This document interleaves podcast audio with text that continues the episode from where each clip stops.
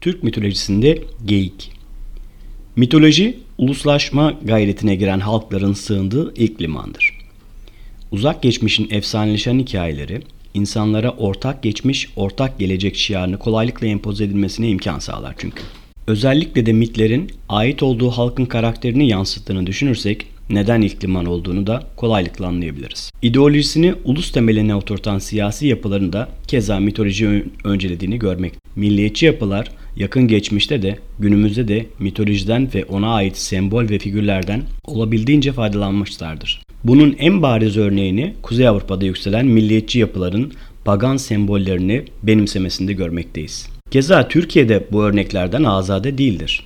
Cumhuriyetin kurulmasıyla birlikte ulus inşası sürecinde Türk mitolojisinden olabildiğince faydalanılmıştır. Cumhuriyet Halk Fırkası'nın afişlerinden paralara, pullardan kurum ve kuruluşların ad ve logolarına değin birçok yerde mitolojik sembollerden istifade edildiğini görmekteyiz. Bu sembollerin en önemlisi ise kurt figürüdür.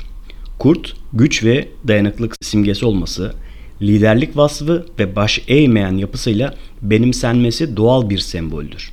Buna karşın en az kurt kadar Türk mitolojisinde öneme haiz geyik ise aynı ilgiyi görememiştir. Bu uzun girizgahtan sonra bizim çok sevdiğimiz bir hayvan ve mitolojide bir sembol olarak geyik konusunun Türk efsanelerinde nasıl işlendiğini kısaca göz atalım. Geyikler ruhuya göre toprakla yerle özdeşleşmiş varlıklardır. Toprak aynı zamanda doğurganlığı ve dolayısıyla kadını temsil eder. Bu bağlamda kurdun eril, giyin ise dişil sembolleri ifade ettiğini söylemek mümkündür. Aşağıda yer verdiğimiz Göktürk mitinde olduğu gibi bir tanrıçanın biçim değiştirmiş hali olarak da karşımıza çıkmaktadır. Kimi mitlerde ise kurda biçilen rolün geyiğe verildiğini görmekteyiz. Yol gösteren, katliama uğrayan halkın son fertlerini kurtaran, onları yeni yurtlarına ulaştıran bir kılavuz olarak arzı endam eder geyikler. İlk olarak bir Göktürk efsanesini aktaralım. Bu Göktürk efsanesinde geyiklerin kutsal varlıklar olduğunun altı çizilmekte olabildiğince onları avda, avlamaktan imtina edilmesi öğütlenmektedir. Göktürklerin atalarına mensup soylu bir prens sık sık ava çıkar, bol ganimetle de geri dönerdi. Bir gün yine aynı bölgede avlanıyordu ki çok güzel bir geyiğe rastladı. Okunu ne zaman nişan alsa geyik sanki onu fark ediyor gibi hızlıca yer değiştiriyor, her seferinde avlanmaktan kurtuluyordu. Uzun süre geyiği takip eden prens onun bir mağaraya girdiğini gördü ve peşinden o da girdi. Mağarada küçük bir gölet vardı. İçinde ise güzeller güzeli bir kadın vardı. Peşine düştüğü geyiktense herhangi bir iz yoktu. O geyiğin gölette yıkanan kadın olduğunu, onun da aslında bir tanrıça olduğunu anladı. Tanrıça onu yanına çağırdı ve prensle birlikte oldu. Prens ve tanrıça ilerleyen zamanda da bu mağarada buluşmaya devam ettiler. Ta ki o kara gün gelinceye dek. Prensin halkı açlık çekmeye başlamıştı. O sebeple büyük bir sürek avı tertip edildi. Fakat avdan önce prens bütün askerlerine karşınıza ak geyik çıkarsa sakın ha öldürmeyin. Onu öldüreni aynı şekilde cezalandırırım diyerek uyardı. Tanrıçıya zarar gelmesinden korkuyor, bunun için tedbir almayı öngörüyordu. Sürek avı bereketli gidiyor, yüzlerce hayvan birer birer avlanıyordu. Avın heyecanıyla askerlerden biri prensin yaptığı uyarıyı unuttu ve karşısına çıkan ak geyiği avladı. Av dönüşü prens ganimetler arasında ak bir geyik olduğunu gördü. Onun tanrıça olmaması için dua etti. Ertesi gün tanrıça ile buluştukları mağaraya gitti ama tanrıçayı orada bulamadı. Sonraki günler ard arda ziyaretlerine devam etti. Fakat yine tanrıça yoktu. O zaman anladı ki avlanan ak geyik o tanrıçadan başkası değildi. Prens obasına vardığında ak geyiği avlayan askeri buldu ve avdan önce söylediği gibi onu ölümle cezalandırdı. Fakat bu bile öfkesini yatıştırmaya yetmemişti. Obasına döndü ve bu adam tanrılara öfkelendirdi.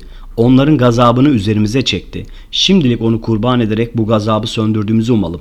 Velev ki tanrıların bize kızgınlığı dinmemiş olsun. Bu askerin ailesinden bir er kurban edilecektir.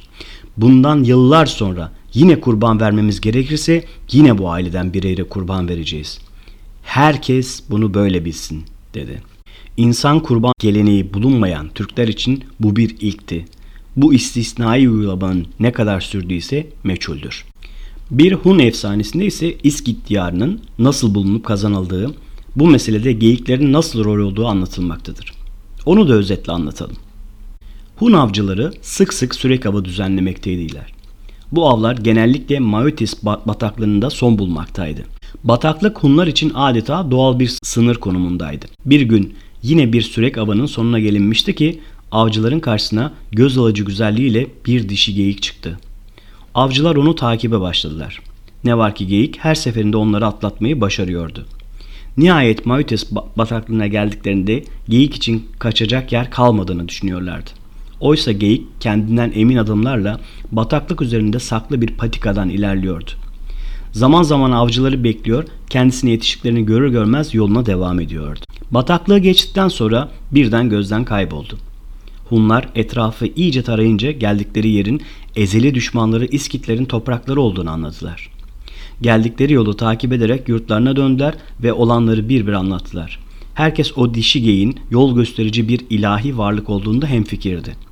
Hunlar güçlerini toplayıp harekete geçtiler.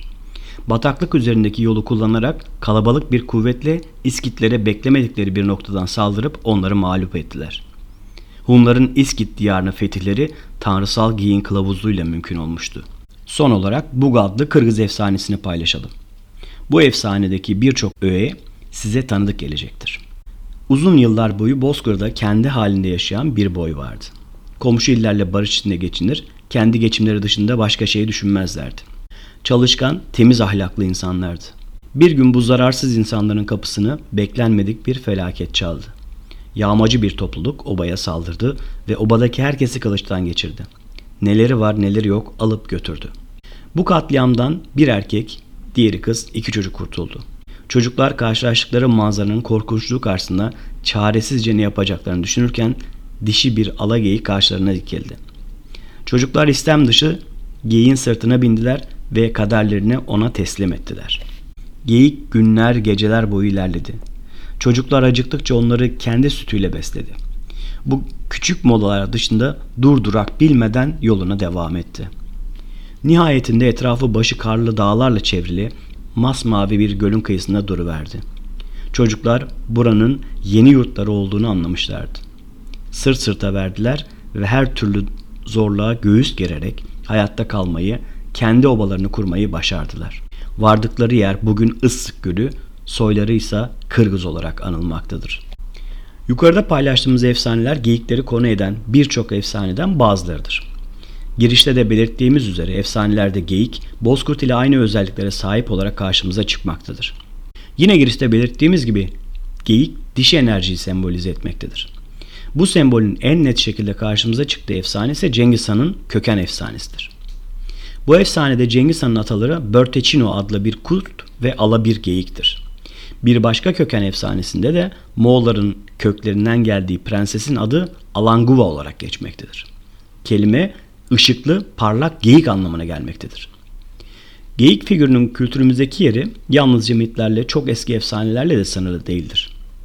Anadolu'ya yerleştikten sonra da geyiğin sözlü ve yazılı edebiyatta varlığını sürdürdüğünü görmekteyiz. Hemen her bölgede anlatıla gelen söylenceler sonrasında değerli yazarlarca kaleme alınmış, bu hikaye ve romanlar sayesinde de ölümsüz kılınmıştır. Bunun yanında Hacı Bektaş Veli, Geyikli Baba gibi toplumda saygı duyulan isimlerin simgeleri olması, kilim desenlerinden duvar halınlarındaki motiflere değin birçok yerde karşımıza çıkması da yine geyiğin önemini koruduğuna dair delillerdendir. Her ne kadar bugün geyik sembolü gölgede kalmışsa da onu tekrar gün yüzüne çıkarmak, yıllar yılı medeniyet yürüyüşüne eşlik ettiği Türk'ün asli görevidir fikrindeyiz. Biz de elimizden geldiğince bunun için gayret etmeye devam edeceğiz. Hey kutsal ana, boynuzlu maral ana, o kurtardı bizi, o kurtardı. Gördün mü? Boynuzlu maral ananın çocukları bunlar. Anımız döndü, gördün mü? O geri döndü.